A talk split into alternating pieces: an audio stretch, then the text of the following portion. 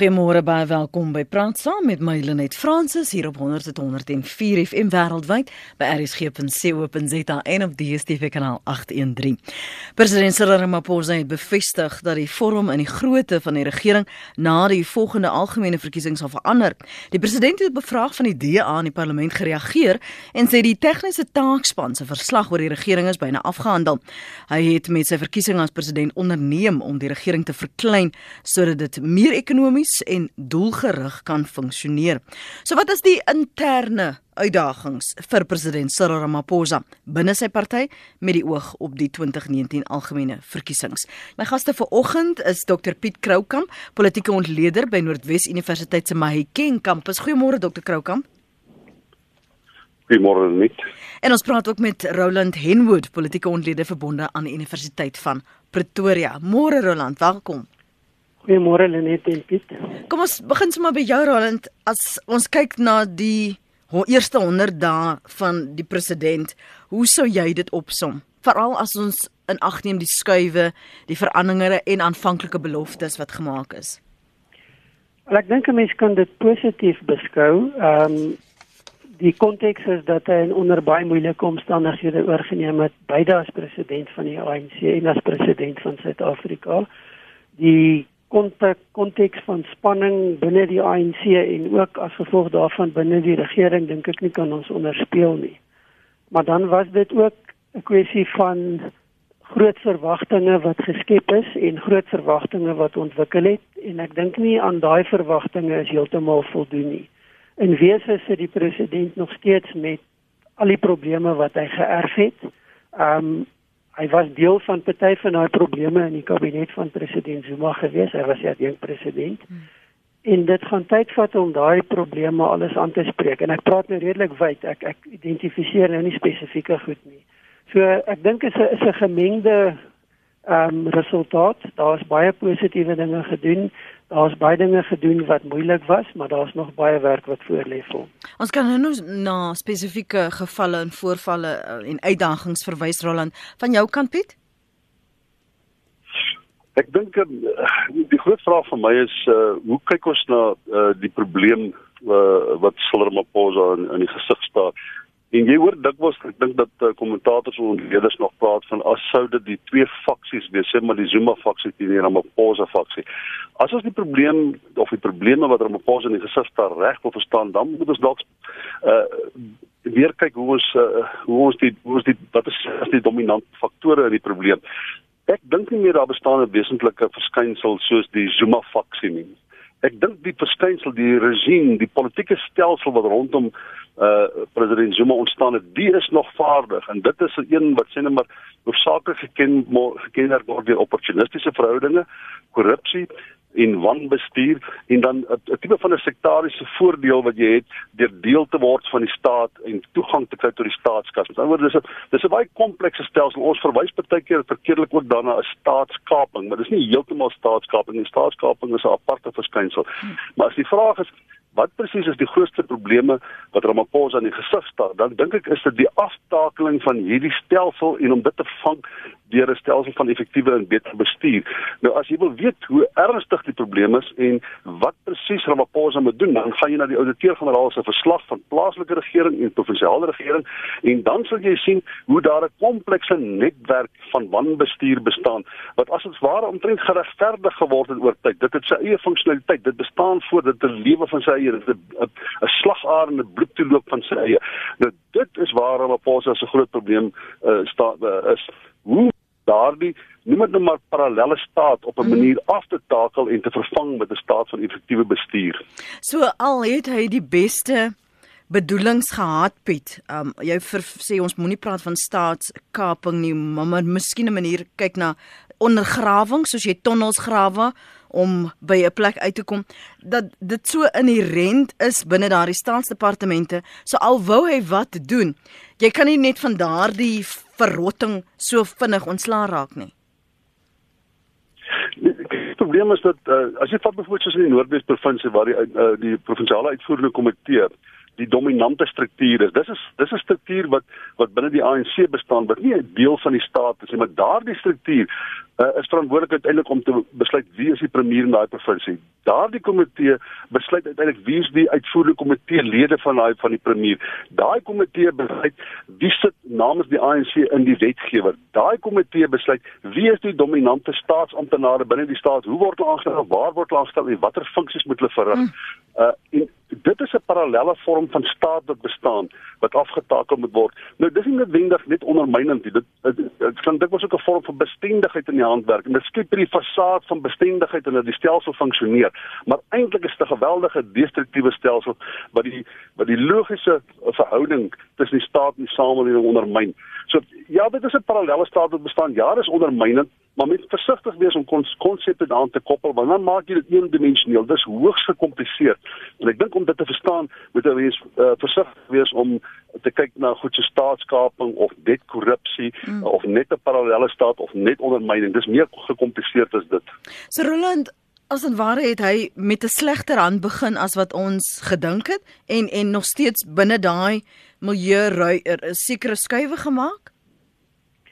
Ongetwyfeld. Uh, ek dink ehm um, alhoewel mense baie duideliker prentjies gekry het van wat besig is om in Suid-Afrika te gebeur in die laaste helfte van 2017 was die goed wat uitgekom het en selfs daarna bevestig is. Ek dink dit is baie groter probleme en baie meer diepgesetelde probleme ek ek wil die stelling maak dat dit dat dit nou strukturele probleme is. Met ander woorde, dis nie meer net prosesse wat gebeur nie. Dis ingebed in die wese van wat besig is om in regering te gebeur.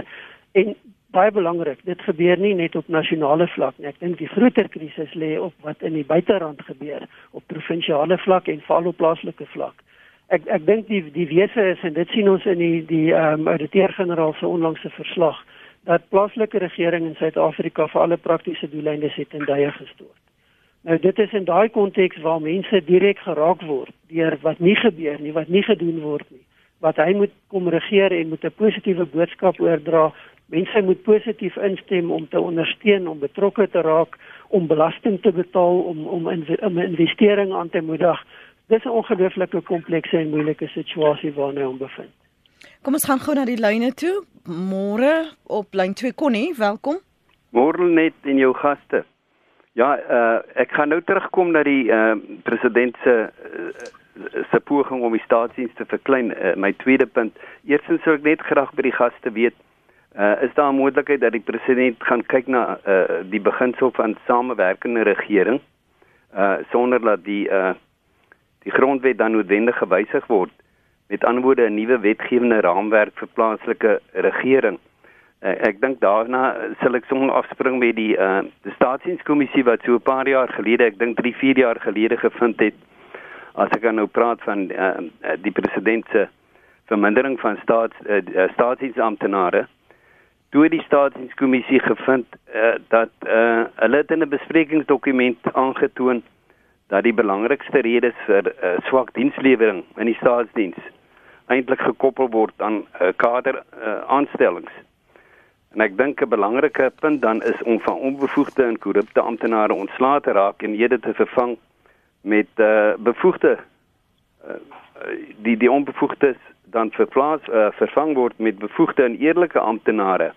Laastens wil ek net graag hoor by die gaste Ek uh, verneem en merk op dat president oud-president Zuma het uh, die afgelope week ook deur tot deur besoeke gebring daar in KwaZulu-Natal om uh, vir die ANC uh, stemme te werf. Uh, hoe gaan dit inpas by die onrustigheid wat uh, tans in KwaZulu-Natal heers? Mooi dag. Goed, dankie. Lekker bly. Lekker bly. Ons gaan later in elk geval kom by die KZN en wat daar gebeur. Ehm um, nie net die deur tot deur besoeke nie, maar wat ook in Noordwes gebeur en hoe dit die ehm um, leierskapsposisie van Cyril Ramaphosa beïnvloed kon nie. Kom ek gee vir jou kans eh, Dr Piet Kroukamp om te reageer op ehm um, die feite wat hy daar geplaas het. Kyk in 1994 toe die ANC uh, beheer oorgeneem het van die staat, het hulle met 'n enorme probleem gesit en dit is daar baie staatsamptenare binne die staatsbestel was wat uit die ou nasionale party uit die apartheidstel uitgekom het. En dit was baie moeilik in die eerste plek om hierdie staatsamptenare uh bruikbaar te maak in 'n demokratiese bestel en in die tweede plek uh die legitimiteit van die stelsel het daarvan afhang dat hulle vervang word oor tyd. Dit is hoekom die san die sogenaamde sunset clause gehad het. Dit was nie moontlik vir die ANC om 'n legitieme staatsbestel te vestig met apartheid staatsamptenare nie. En ek dink die fout wat hulle toegemaak het was en dit was aanvanklik was was dit sinvol geweest dat jy stel kaders aan met ander woorde mense binne die ANC wat jy vertrou om die beleid van die ANC namens die party uit te voer want uiteindelik by die stembus moet die party nou weer verantwoording doen sê het jy die beleid uitgevoer ja ek sal dit doen so jy het staatsamptenare nodig wat die stelsel sal legitimeer en wat jy kan vertrou om dit wel uit te voer. Nou op daai stadium het dit nie noodwendig saak gemaak of die persoon uh uh kundig was om die, om die, om die beleid uit te voer nie. Die veronderstelling was dat oor tyd sal 'n bepaalde kundigheid ontwikkel. Ek dink dit was 'n draaipunt gewees wat gesê nou stel uh die ANC uh, sê net maar net kundige mense aan eerder as skades. Ek dink ek het eendag in 'n gesprek met Gary Mantas te sê ek vir hom ek gay is, dan maak ek die hele staatsdiens maak ek om net swart. Ek stel net swart mense aan, maar in plaas stel ek net die mees effektiewe, besopgeleide persoon aan. Dan is die swart staatsamptenary wat uh gelegitimeer is, wat die staat se legitimiteit vestig en jy spreek die probleem aan van uh van van van van die feit dat dat dat, dat die staat ehm um, uh, is van 'n vreemde konsep histories was vir die mense. Jy, jy bring die staat nader aan die mense. Dis iets wat hulle kan identifiseer. Maar ek dink dit is dit is ek dink dit is heeltemal korrek. Dit is waar die probleem kaderontplooiing gaan na die hart van die probleem toe. Ongelukkig het kaderontplooiing en daar is nog 'n mate van regverdiging daarvoor het ongelukkig gepaard gegaan met korrupsie met die tyd. En wanneer die twee op 'n of ander manier saamgesmelt het, dit is waar ons nou is. En uh, uh iemand soos Ramaphosa, as mens net terugkeer na hom toe, hy het twee opsies wat hy kan neem. Hy kan die hy kan hierdie noem dit maar hierdie gekorrumpeerde staat kan hy as as die president van die land kan hy aanvat hy kan probeer om die stelsel te reinig en te sober. Hmm. Maar ek dink dit gaan baie moeilik wees. Wat hy werklik probeer doen is hy probeer om die stelsel wat effektiwiteit bevorder, die stelsel wat wat goeie staatsbestuur bevorder, goeie regering sal bevorder, probeer hy sterker maak en dan hoop hy dat hierdie stelsel mettertyd die korruptiewe stelsel op die korrupsie sal ondermyn soveel so dat die sterker en die beter en die meer effektiewe staat uiteindelik uh die die werklike uh kern van staatsbestuur in Suid-Afrika sal wees. Dit gaan baie tyd vat. So ek dink Jonathan Jansen het op 'n stadium gesê, so hy by die Vrystaat Universiteit kom te sit daar baie mense waarvan jy nie ontslae kan raak. Jy wil baie graag die instelling transformeer, maar jy kan nie links en regs mense gaan afdank nie. Dit vat jare voor daardie mense self uit die stelsel verdwyn en jy nuwe mense kan aanstel wat kan aanpas by die nuwe identiteit en etiek wat jy voorsien in die stelsel. Dit is waarom 'n pos 'n probleem is. Dit is baie moeilik. Jy kan by die by die staatsondernemers kan jy kom rade gaan afdank en jy kan nuwe mense aanstel. Maar binne in die staat, amptenary, kan jy nie net links en regs gaan afdank en nuwe mense aanstel nie. Om die waarheid te sê, ek weet nie of hy seker 'n lys het van mense wat hy dink wat die staat beter gaan bestuur. Daar is eenvoudig nie lank genoeg lys daarvoor nie en jy kan nie ontslaa van ou staatsamptenare nie. So die een stelsel met die ander stelsel vervang en dit neem tyd. Goed, ek wil voor ek te, te gaan na na samewerkende regering want daar was ook geluide dat ehm um, dit die opsie was en die pad vorentoe. Ek wil net gou vir jou vra Roland, maar toe hy die kans gehad het om van wat Tabili Dlamini byvoorbeeld en die ander wat die regering en departemente in in soveel skandes gebring het. Waarom het hy dit na daai geleentheid geneem nie? Ek dink daar is hoofsaaklik twee redes. Die eerste is dat hy het nie in 'n ANC ingestap waar hy gevestig is en onaantastbaar is nie. Hy het op 'n baie klein met op 'n baie klein meerderheid die leierskap in die ANC oorgeneem. Die die verdeeldheid en konflik in die ANC het nie opgehou die dag toe hy as die president van die ANC verkies is nie. Trouwens, ek dink as 'n mens terugkyk sien 'n mens areas waar dit verdiep het. Ehm um, en, en dit beteken dat hy versigtig moes beweeg. Daar is invloedryke mense in die ANC as party. Hulle is dalk nie suksesvol in die regering nie, maar hulle is invloedryk in die party. En hulle het nie baie aansien buite die party nie, maar hulle hou hulle invloed in die party en hy moet sensitief daarvoor wees. En die tweede punt wat hier by aansluit is Hy kan nie die indruk skep dat hy uit is om al die Zuma mense of almal wat as sy teenstanders beskou word net eenvoudig uithaal en te verwyder nie. Ehm um, dit sou net so kortsigtig wees as wat dit onwettig is om net eenvoudig staatsamptenare links en regs af te dank want jy dink nie hulle kan hulle werk. Hy saboteer homself in die proses. En en daar dink ek daar's meriete in die argument dat hy 'n langer termyn beskouing het, dat hy versigtig homself posisioneer en oor tyd soos wat hy homself vestig en waarskynlik of hopelik meer mense oral om binne die party want dit is waar sy uitdaging lê. Mm. Sy manier van doen te ondersteun kan hy waarskynlik begin om dan van mense ontslae te raak op 'n op die regte manier of om mense uit te skuif wat hy nie daar wil hê nie. Maar om in te kom in 'n kwessie van 'n paar weke net eenvoudig almal uithaal en weg te vat, sou homself baie meer skade aangedoen het. So is dit 'n berekende 'n berekende risiko op pad na 2019 van een of ander tyd gaan daardie ehm um, bekommernisse en die aanklagte van al daai ministers wat gebly het en so lank gesit het en net nog nons is aangevang het, gaan gaan terugkom om om hulle by hulle te spook. Ek dink dit is 'n berekende risiko, dis waarskynlik 'n uh, 'n berekende strategie wat gevolg word. Ehm um, ja, dit bly riskant, dit bly in die in die oë van mense buite die ANC 'n uh, 'n uh, 'n uh, onding en dis 'n doring in die vlees van baie mense dat hierdie persone nog sit waar hulle sit. Maar ek dink hy moet daar 'n keuse maak. Wat is in terme van sy lees van die situasie binne die ANC as politieke party die belangrikste vir hom en die die veiligste manier om homself te posisioneer? En en mens baie mense beskou dit as 'n swakheid, maar een ding wat wys uit die Ramaphosa manier van doen is dat hy nie oorhaastig optree nie. Hy hy is berekend, hy vat sy tyd, hy's baie versigtig om moeilike goed te hanteer en hierdie is waarskynlik een van die maniere wat hy besluit het om op so wyse te hanteer. Um of dit werklik op die langtermyn so negatief gaan wees dat dit hom baie skade gaan aandoen, is moeilik om op die stadium te sê. So die moontlikheid van samewerkende regering Piet, is dit so ver gesog gegeewe dat hy 'n goeie verhouding het met 'n Julius Malema met 'n Musima Imani?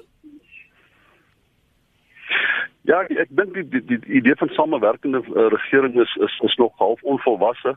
Goed. En die belangrike rede is om by die ANC te onbestendig is dink ek hmm. om werk uh partygenote buite sy formele strukture te soek. Ek dink nie besonder met die is die ANC seker of hy in 2019 met die EFF 'n alliansie wil wees uh of met die DA of waarskynlik net kleiner partye eerder as om met die EFF of die DA uh, alliansie te gaan. Ek dink net as mense net kan praat as terwyl mense nou praat oor die verkiesing van volgende jaar, uh, uh, daar's twee strategieë wat wat Ramaphosa kan volg. Ek dink tot van 1994 af tot hier uh, rondom sê net maar 2008 was dit moontlik vir die ANC om op die persepsie van goeie regering, met ander woorde die belofte van effektiewe bestuur, kon hulle die een verkiesing na die ander wen toe tydens president Zuma toe dit verander. Die mense wil nie meer op persepsie. Hulle moet nie dink dit kom nog nie. Hulle begin toe daadwerklike uh, hulle begin aandring op beter regering en op 'n beter dienslewering. En dit het daartoe gelei dat die ANC gewillig steun verloor het in die 2016 verkiesing. So Ramaphosa het twee opsies. Hy kan dink dit is moontlik om die persepsie te skep dat ek beter gaan bestuur, dat die ANC uiteindelik beter gaan lyk, dat die land uiteindelik beter bestuur sal word en dan hoop ek dit bring die mense weer agter die ANC in of hy kan argumenteer ek het nie daai leaksheid nie want soos Trevor Manuel onlangs gesê het dit lyk asof daai dividend uitgeloop het. Ons het nie meer daai leaksheid van van van geduld van die mense nie ons moet nou iets daadwerkliks doen. Of hy kan besê maar dit is ek ek moet dit doen maar 18 maande of minder as 18 maande 12 maande is eers te kort om die swak bestuur om te draai. So hy sal moet verlaat weer op die belofte van beter bestuur en ek dink daar's nog genade in die samelewing oor ek dink dis werklik moontlik dat die ANC weer 58% van die stem kan kry in die volgende verkiesing en dat dit vir hom nie werk nodig is om uh, in alliansies met enigiemand of koalisieregerings te gaan in enigiemand van die provinsies, veral nie in Gauteng nie. So ek ek dink dis maar die wat deur Ramaphosa se kop gaan is, is dit nog is daar nog genoeg energie in die ANC om daai mense, daai 3 miljoen mense wat laas gesê het in 2016 ons stem nie meer nie, ons bly eenvoudig weg. Ons stem nie vir 'n oppositieparty, maar ook nie meer vir ons hartsparty nie, want die dienslewering het net nooit gekom en die belofte het net nooit waar geword nie. Ek dink daar is daar's nog 'n bietjie energie. Ek dink dit is nog moontlik en ek dink dit is so sy kop werk. Hy dink ek kan vir die mense as ek nou die dinge die regte geleide maak, die regte dinge doen as ek op die makrovlak sê net maar die staatsondernemings verander, as ek die die regte ministers begin kies, dan is daar nog energie vir mense om 'n belofte te maak vir ons is 'n pad ergens heen. Ons sal die korrupsie uitwis. Met die tyd sal die ekonomie groei en ons sal vele werksgeleenthede skep. Dink dis waarop jy moet verlaat. Die tyd is eenvoudig te kort om die staatsbestel om te draai uh na die volgende verkiesing toe. Kom ons hoor wat sê Sissel daar op Witbank. Sissel môre.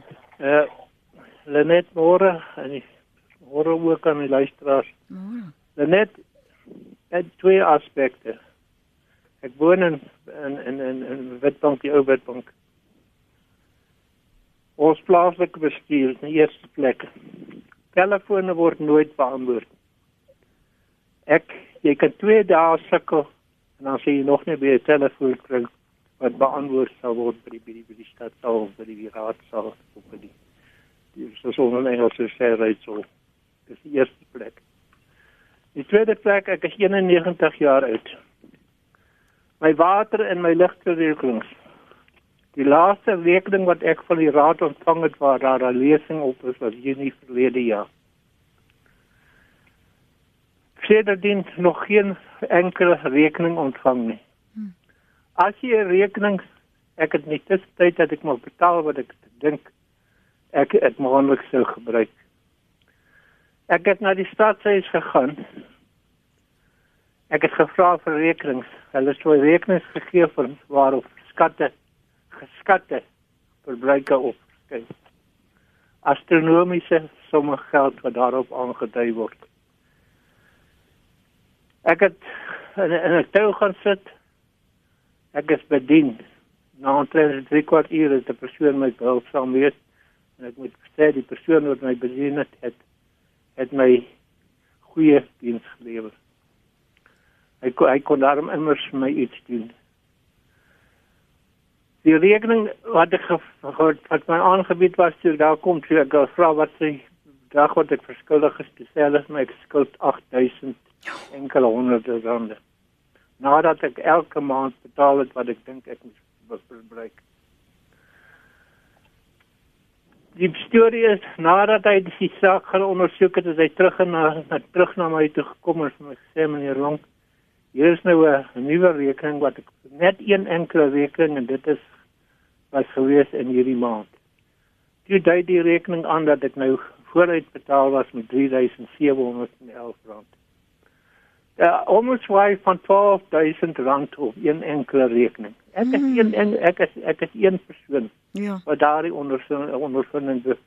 Ek bevraagteken hoeveel van hierdie geld wat hulle aandui wat verskuldig is aan die verskillende plaaslike uh, uh, uh, instansies soos byvoorbeeld Eskom die werklike bedrag is wat verskuldig is aan aan Eskom.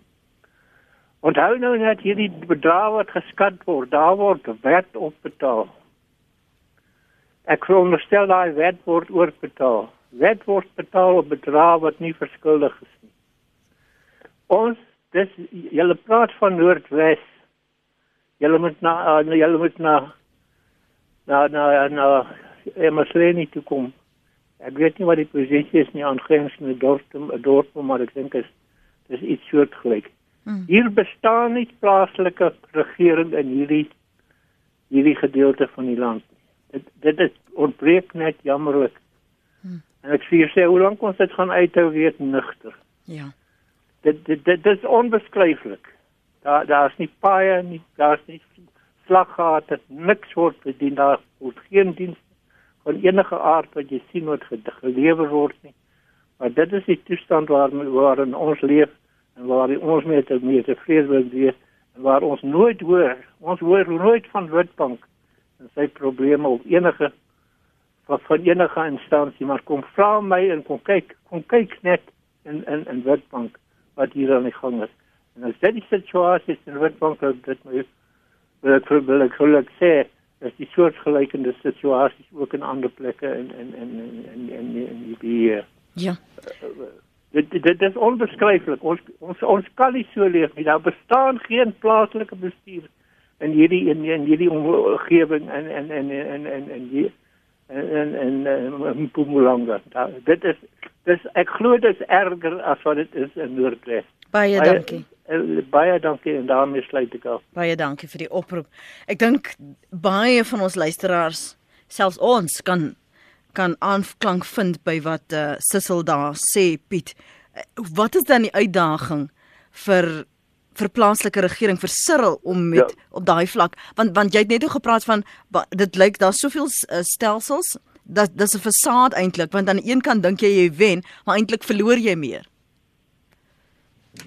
Ja, kyk, ek ben Johannesburg en ek het ook 4 jaar laas 'n rekening gekry. So ek dink dit is 'n algemene stelsel, nie net in Mpumalanga nie, mm. maar uh, as jy byvoorbeeld nou praat Sissel se argument, ek dink dit is dit is 'n deel van die van van van 'n geweldige baie probleem.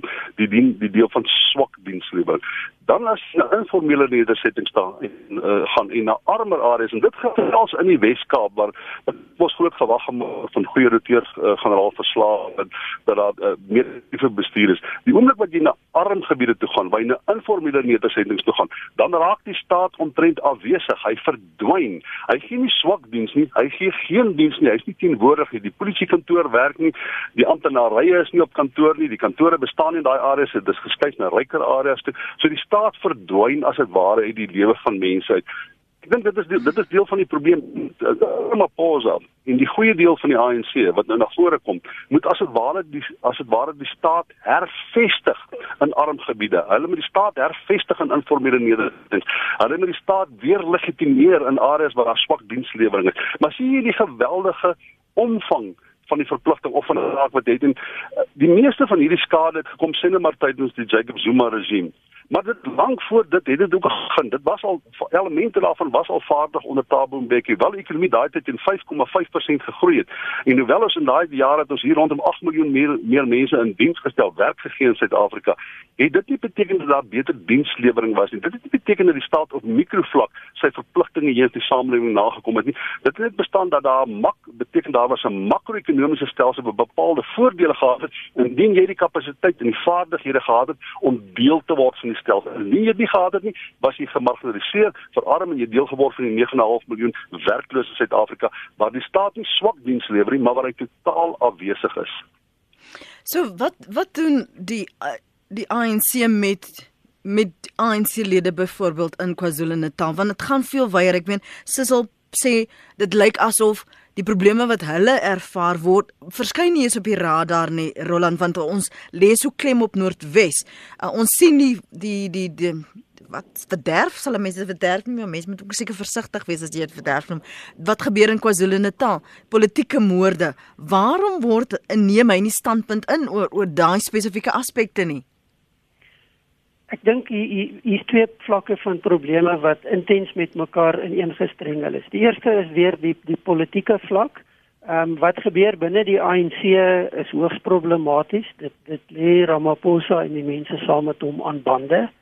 Ehm um, KwaZulu-Natal is, is 'n baie spesifieke probleem want dit is baie duidelik dat hy daar nie net sukkel met die nalatenskap van die Zuma presidentskap nie, Hulle is gekonfronteer daagliks met Zuma as lewende persoon wat homself besig hou met ANC sake.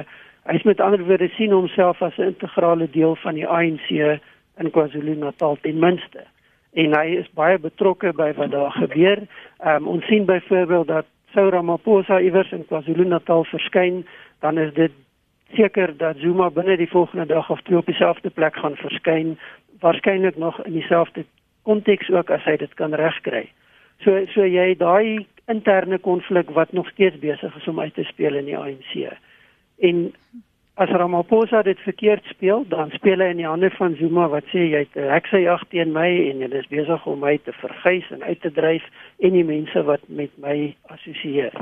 So dit moet versigtig hanteer word. Die die die die strategie wat en die naam wat Ramaphosa hier aangee is die ANC tradisie eenheid. Ons moet eenheid bewerkstellig en en wat hy eintlik probeer doen is om te sê ons moet intern hierdie probleme oplos en eensgesindheid bevorder. Ons moenie konflik en verdeeldheid in die ANC verdiep nie. Nou of hy suksesvol gaan wees in KwaZulu-Natal is op die stadium 'n oop vraag. Dit speel in op regering. En en ek dink baie belangrik, dis nie net in Noordwes waar dit sleg gaan met regering as gevolg van hierdie tipe en dis nie net die konflikdimensie nie, maar daar's 'n klomp ander praktyke wat in die ANC gevestig geraak het oor die afgelope 20 jaar wat wat dit beïnvloed. Dit gaan sleg in meeste van die provinsies gaan dit baie sleg. In sommige provinsies kan ek dink ons sê dit gaan minder sleg. Daar's bitter min voorbeelde waar dit goed gaan met plaaslike regering en waar dit goed gaan met provinsiale regering. Dit is die realiteit van Suid-Afrika vandag. Die probleem wat jy mee sit is ons is deur 'n fase waar mense wat meer welvarend is en dis nie net ryk mense nie, dis relatief welvarend. Hulle self tot 'n groot mate kon verskans van hierdie ineenstorting van regering. Hulle kon hulle eie dienste koop en bekostig en aan die gang hou. Maar ek is bevrees ons is nou besig om in 'n fase in te beweeg waar groter klomp mense dit nie meer kan bekostig nie. Al hoe meer ouer mense wat doeteenvoudig onder druk van ekonomiese realiteite kom ja. en waar jou agteruitgangs van so 'n aard is dat selfs die die die afskansing daarvan en die aankoop van eie dienste gekompromiteer word. En en ek dink dit is hoekom al hoe meer mense nou begin bewus raak in in in in in in die ehm um, areas van Suid-Afrika wat in die verlede dalk minder gedirek geraak is hierdeur en begin ongeduldig raak hiermee en begin ontevrede raak hiermee. So so jy jy het 'n samekoms van 'n groot klomp ehm um, energie, negatiewe energie wat besig is om nou die politiek te begin beïnvloed en en en hopelik die politiek in 'n positiewe rigting kan dryf, maar dit is nie 'n uitgemaakte saak nie. So weer eens, dis dis 'n komplekse realiteit waarmee 'n mens sit. Ek dink die een belangrike aspek hier is dat mense sal moet begin uitbeweeg en begin betrokke raak as hulle enigsins 'n ingryp op hierdie ding wil maak. Nie noodwendig die ANC alleen nie, maar ook ander mense gaan op ander maniere moet begin betrokke raak. Want jy sit met 'n stelsel wat 'n plek is waar hy in duie kan stort totaal. Indien daar nie baie vinnig optrede kom wat die kritiese elemente gaan begin ondersteun en die kritiese diensleweringsfaktore gaan begin versterk nie. En ja, dis die primêre taak van die regering en almal kyk na die president. Wat gaan baie meer as die president vat om by hierdie punt verby te kom waar Suid-Afrika homself nou bevind. Piet raak die veldtog of dan nou die pogings van president Cyril Ramaphosa nou net slagspreuke, slogans, Tumamina, Siyavuma, send me. Wat word regtig gedoen? Is dit net 'n mooi Nee, vooruitsig? Ja. Nee, nee, ek ek ek dis belangrik as jy uh, ons leef in uh, vir baie mense, jy weet sien nie gebeur werkloos is dit uh, die die middelklas in Suid-Afrika is onder geweldige gedruk. Dit dit dit, dit is dit die vooruitsigte lyk baie donker. Ek dink dat daar moet 'n slagspreuk wees wat wat die indruk skep dat ons op pad ergens heen is. So ek ek het nie probleem daarmee nie. Maar ek moet ook vir jou sê die, die persoon in Suid-Afrika wat opstaan en sê dat Ramaphosa het nie geweldig baie verander in die laaste jaar nie of die laaste 100 dae nie hy is ook opportunisties. Dit dis ondermynend en dis ongelukkig wat jy dit dikwels van die DA in die parlement kry. As jy en ek het groot respek vir vir John Steenhuisen, maar dit klink asof hy uh Ramaphosa afmaak asof hy dieselfde uh, verskynsel is as Jacob Zuma. Ek dink dit moet realisties wees oor die uitdagings en realisties wees oor die vermoë. En mens moet die president uh opweeg teen dit wat hy kan verander. Daar's baie dinge wat hy nie kan verander nie. Maar weeg hom op teen dit wat hy kan verander en ek dink hy het baie baie goed gedoen tot dusver. Dit jy begin by die groot plekke waar die groot gemors is. Die die die, die staatsondernemings was 'n groot gemors. Die wanbestuur daarvan, want as jy 'n ontwikkelende staat of 'n developmental state wil vestig, moet jy goeie staatsondernemings hê. As jy 'n bepaalde funksie vervul, wil vervul in die samelewing wat konstruktief is, wat ekonomiese groei betref, wat wat dienslewering betref, dan moet jy by die staatsondernemings begin. Jy moet jy moet Eskom regkry. Jy moet Prasa regkry. Dit dit is waar die groot dienslewering in Suid-Afrika is. En ek dink mense mense mense Ramaphosa daar te veel kritiseer nie. Gegee die feit dat dit geweldig baie uh, geweldig moeilik is. Uh, ek ek dink werklik die president uh, het 'n konstruktiewe strewe. Die ANC, ek dink een van sy probleme is ongelukkig die ANC. Die ANC het geweldig vinnig gemoderniseer tot tot die einde van van die termyn van Thabo Mbeki. Dit het 'n moderne politieke party in 'n moderne wêreld geword hmm. wat op 'n konstruktiewe manier uh nie maar net maar verlief geneem het met sê net maar 'n mark-ekonomie nie. Hoewel dit strydig was met die historiese DNA. Maar die, die party het gemoderniseer en ongelukkig onder Jacob Zuma die party is nou weer terug. As jy luister na die groot amptenare binne die party, dit klink asof hulle terug is in die 1960s wat ideologie betref, wat die narratief betref, uh die konsepte wat hulle gebruik, die idees van sosialisme, die ideologie wat hulle gebruik. Dit is prehistories dat die party het geweldig agteruitgeboer in die laaste klompie jare en uh, Dit is dit is Ramaphosa se groot uitdaging om die ANC as 'n party te moderniseer want daardie party uiteindelik is verantwoordelik om Suid-Afrika te moderniseer. En uh, ek dink Ramaphosa is op die regte pad. Ek uh, dit beteken hy is fout, dus ek dink hy is op die regte pad om die ANC te moderniseer is 'n enorme uh, uh, uh, taak en om dan uiteindelik by Suid-Afrika uit te kom. Ek weet nie of ons of ons die of ons die voordeel van van al daai tyd het om dit te doen nie.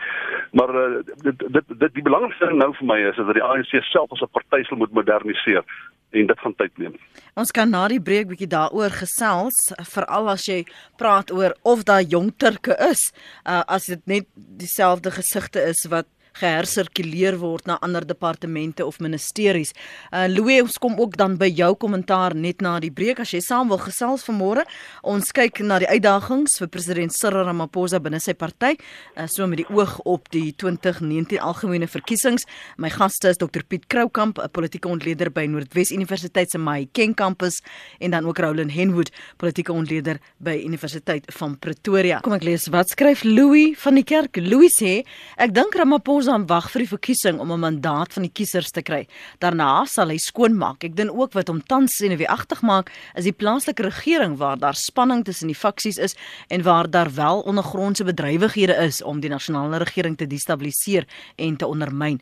Zuma het beslis nie in kantlag gaan aftree nie. Hy het wel nog groot politieke en finansiële ambisies. Intussen volg Ramaphosa maar die beginsel dat hy nie meer Big Brother is wat vir kaders werk moet gee nie en waar jy aangejaag het, uh, sal jy jou eie battles maar moet fight. En dit is Louis van die kerk se mening daar. So Roland, wat maak president Ramaphosa met oud-president Zuma? Ignoreer hy maar net hom sy hand die die invloed wat maak hy met hom Ek dink as daar's daar's drie opsies. Ehm um, en hy gaan al drie moet gebruik. Aanvanklik gaan hy hom verdra. Mhm. Ehm um, hy kan hom nie verbied om te doen wat hy doen nie, ook nie binne die ANC nie.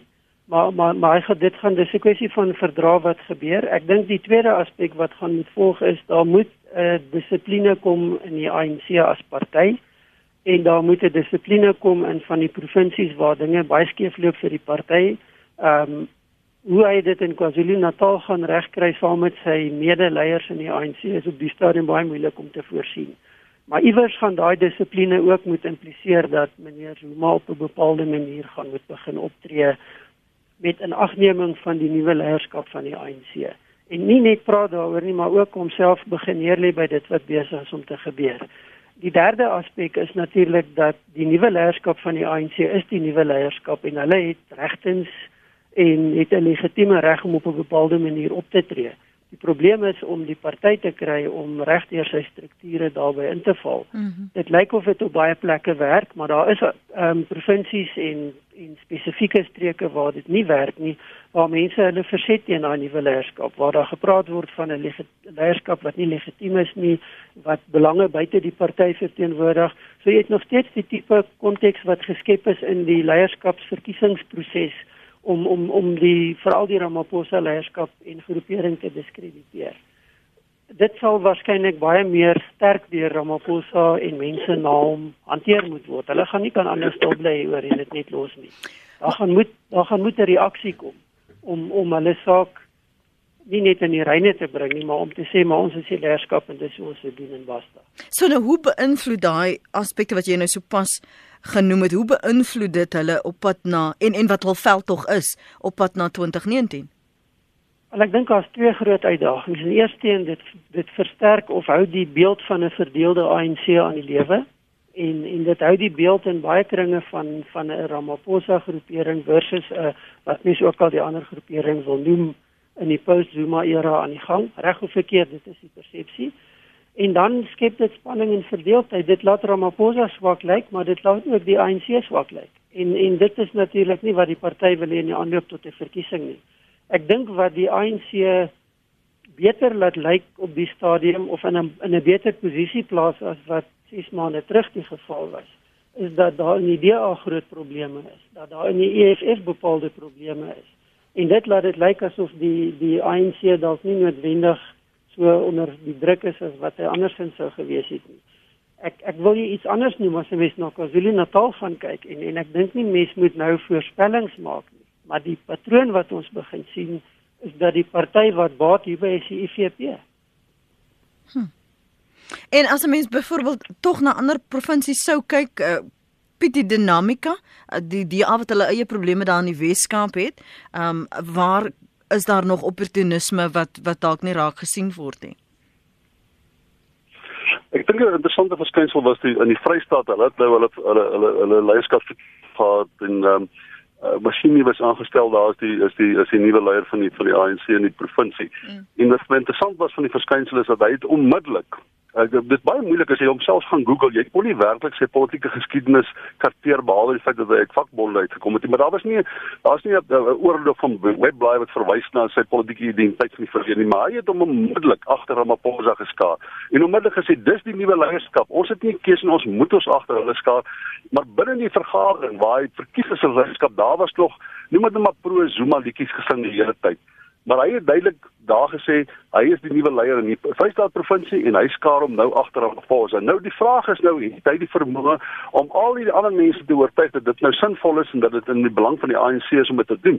So die Vrystaat is een van die van die provinsies wat ek besal dop in die weke en die maande wat kom om te kyk watter mate 'n nuwe leier wat verkies is wat tog 'n sterk identiteit moet hê in die party anders sou hy mos nie verkies gewees nie.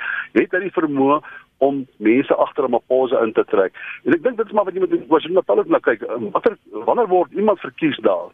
Uh uh, uh Sisli Sikelala vervang maar wat homself skaar agter 'n Maposa en dan die vermoë om die verskillende groeperings en ek wil nie meer na hulle Zuma en as die Maposa faksie verwys nie want ek dink nie dis meer so eenvoudig nie. Ja. Maar om die verskillende groeperings op een van die maniere te oortuig dat daar 'n bepaalde politieke belang is om hulle te skaar agter die nuwe leierskap. Uh ek dink in die Ooskaap uh, dit Ramaphosa dink ek het hy goeie gronde gemaak en in Pope dink ek het hy het nie groot probleme nie. En Mpumalanga Didi Mabuza uh veral sy uh, opportunisme en sy uh, gewaande en waarskynlike uh, moontlike korrupsie het ek dink hy het die daan geslaag in die provinsie nader aan die leierskap van die ANC trek nie noodwendig agter aan Maposa nie maar die provinsie konformeer nou tot die presidentskap en tot die ANC danksy Didi Mabuza se betrokkeheid by die uh, as jong president van die land. Ehm um, in, Noord-Kaap is as agter Maposa gewees nog altyd so dit is nie 'n wesentlike probleem nie. Want as as ons net vir 'n oomblik dan stil staan, julle sal albei onthou waar uh, die oud uh, president Jacob Zuma gesê het die ANC kom eerste en en dan die res van die land. Posisioneer Cyril Ramaphosa hom op 'n ander manier dat hy ook meer lyk soos 'n president van die land en nie net die president van 'n party nie Piet? Kyk ek uh, uh, ten spyte van uh, ons kritiek op Zuma was hy waarskynlik reg geweest uh, in in toe hy gesê die party die premierste as hy dit bedoel het dat die party sal op 'n of ander manier moet moderniseer hy sal moet konsolideer hy sal 'n bepaalde gemeenskaplike belang moet ontwikkel. As hy dit nie het nie as die ANC gefragmenteer is as die ANC swak is as die ANC gebrek ly om bepaalde dienste te lewer as die ANC uitgedaag word deur stakings binne die samelewing deur oproepe en opstandighede dan is daar geen manier wat daardie party se kan behoorlik bestuur nie. En die ANC is op hierdie stadium in so onbestendige situasie dat as ek Ramaphosa sal konsentreer meer op party regterik. Jy moet op 'n of ander manier die party konsolideer voordat jy kan werklik effektiewe bestuur. Ek dink nie hy die leksheid van tyd om dit te doen nie. Daar is 'n verkiesing en verwag dat hy in ander met die verkiesing groter party gaan gaan konsentreer. Kyk of hy die ANC kan konsolideer en na die verkiesing hopelik as hy dan nou 'n sterk mandaat kry as die ANC hier rondom 58 59% van die steun kry en moontlik 60% al wat ek dink wat baie moeilik gaan wees. Dan het hy 'n geweldige sterk mandaat om waarskynlik noem dit net maar eensydig te begin om groot veranderinge aan aan te bring binne die party maar ook binne die staatsbestel. Maar vir nou tot in 2019, as ek Ramaphosa as konsentreer ek om een of ander manier met jy hierdie geweldige onbestendige skip wat ons noem die ANC, moet jy hom bestendig. Anders is daar geen manier wie die staat kan beter bestuur nie. So so die tegniese veranderinge daar's nou die die voorlopige verslag van van die tegniese taakspan uh, oor hoe om die regering en kabinet in so meer te verklein. Sal hy nou eers moet wag Roland voordat daar daadwerklike stappe kom? Uh, maak hy nog steeds net die regte geluide? Wag en kyk hy maar tot na 2019 sodat daar duidelikheid is en goed in watter rigting gaan ons? Wat sny ons nou uit? Ek ek wil twee opmerkings maak. Ek dink meneer Ramaphosa se fokus is die ANC. Dis baie duidelik in alles wat hy doen, maar hy is ook besig om buite die ANC as 'n president vir Suid-Afrika homself te projekteer. Daar's 'n hele klomp voorbeelde van waar hy oor die afgelope maande anders as meneer Zuma opgetree het. So ja, die party is prioriteit, dit is die fokus, dit is die basis van alles wat hy wil doen en gaan regkry of nie gaan regkry nie maar hy is nie net eksklusief in die party nie. Hy het al reeds begin om buite dit homself te projekteer wat ek dink baie positief is. Die die die groot kwessie is ek dink nie hy wag net en kyk nie. Hy het al 'n hele klomp goed gedoen wat moeilik was, wat mense gesê het hierdie goed moet gedoen word. Ja. En ek dink wat ons gaan sien tot met die verkiesing is 'n kombinasie van doen en en ook wag en kyk En ek dink nie daar is 'n spesifieke strategie van alles wat gebeur nie. Ek dink daar's 'n kwessie van wat gekyk word wanneer is daar 'n geleentheid om iets te doen wat voordelig gaan wees en goed gaan lyk, dan word dit gedoen. As die lesing van die omgewing is dis te riskant om dit nou te doen, gaan hy eenvoudig terughou. En en en ek dink dit belangrik is hy doen dit nie alleen nie. Hy is besig om saam met 'n klomp mense in 'n binnekring maar ook buite die party hierdie proses te stuur. So ek dink ons kan baie meer van hom verwag as net wag en sien. Maar dit gaan oor hoe besluite wees, gaan besluite wees wat die partybelang in ag neem en die verkiesing in ag neem en kyk na wat is oppositie bewegings en hy gaan in ag neem wat is besig om in Suid-Afrika te gebeur. Ek dink nie enige van hierdie goed kan in isolasie van die ander gebeur nie. So ter afsluiting Piet, waar en watter moontlike en dit is nou maar net scenario's ons skiete in die donker julle. Uh, moet laat die luisteraars ook maar net waarsku.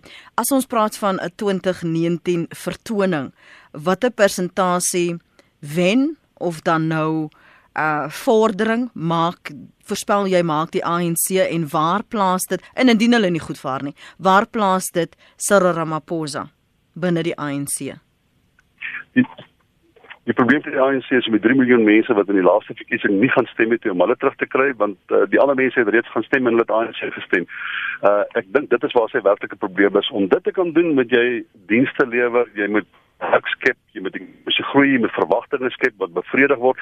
Dit gaan baie baie moeilik wees na volgende jaar toe. So dis hoekom ek dink hulle gaan moeilik 60% bereik. Die 54 55 waarskynlik maksimum 56%. Ek dink hulle gaan in enige provinsie en enige koalisie hoef te gaan behalwe die Weskaap natuurlik nou buite hulle beheer gaan bly nie.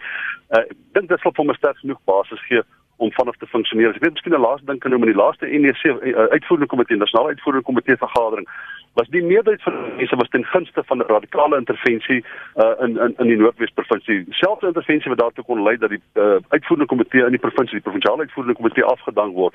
Maar daar twee of drie mense opgestaan, uh, Batibile Dlamini, Danny Ngeni, uh Fakile Balula, Sis uh, Sisles, hulle. Dis mense wat eintlik reeds gestigmatiseer is in die party en hulle het gepraat teen hierdie intervensie. En omdat daar selfs al 'n minderheid, omdat dit vir die NDC baie belangrik is om van 'n manier 'n vorm van konsensus kry. Met ander woorde, hulle wil nie sonder 'n ding nie. Hulle wil sê ons stem nou almal saam. Ten spyte van die feit dat ons soms nie saamstem nie, sal ons nou konformeer tot die meerderheidsbesluit. Dit kon hy nie kry in die die NDC nie, maar dit beteken nie hy het nie die meerderheidssteun binne die NDC. Dit beteken net hy kon nie die die die die die die die die die weer die alstarrig is kon nie gekry om te konformeer tot die meerderheidsbesluit nie. Hierdie dinge is is is, is werklik interne probleme binne die ANC en ek dink hy gaan met 'n 55 56 mandaat volgende jaar uh as uh, vir die ANC dink ek as dit nie van nodig om presies te vestig nie veral nie in Gauteng nie en ek dink daarvan af sal hy begin meer ernstige besluite neem wat die meer direk op 'n pad bestuur op dieselfde wyse wat Thabo Mbeki gedoen het. Thabo Mbeki die die ANC se party gevat en hom eenvoudig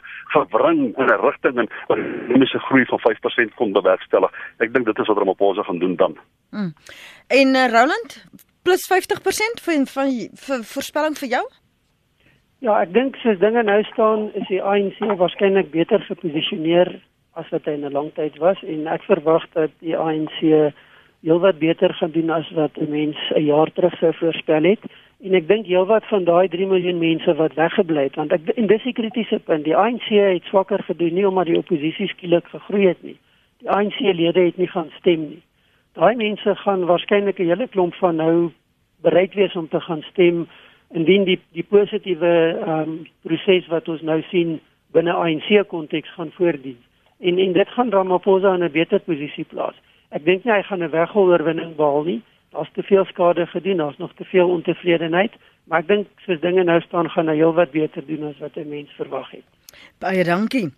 Dr Piet Kroukamp en Roland Henwood vir julle insigte vanoggend op praat saam. Gaan gerus na ons webblad www.rsg.co.za as jy weer na hierdie gesprek wil luister.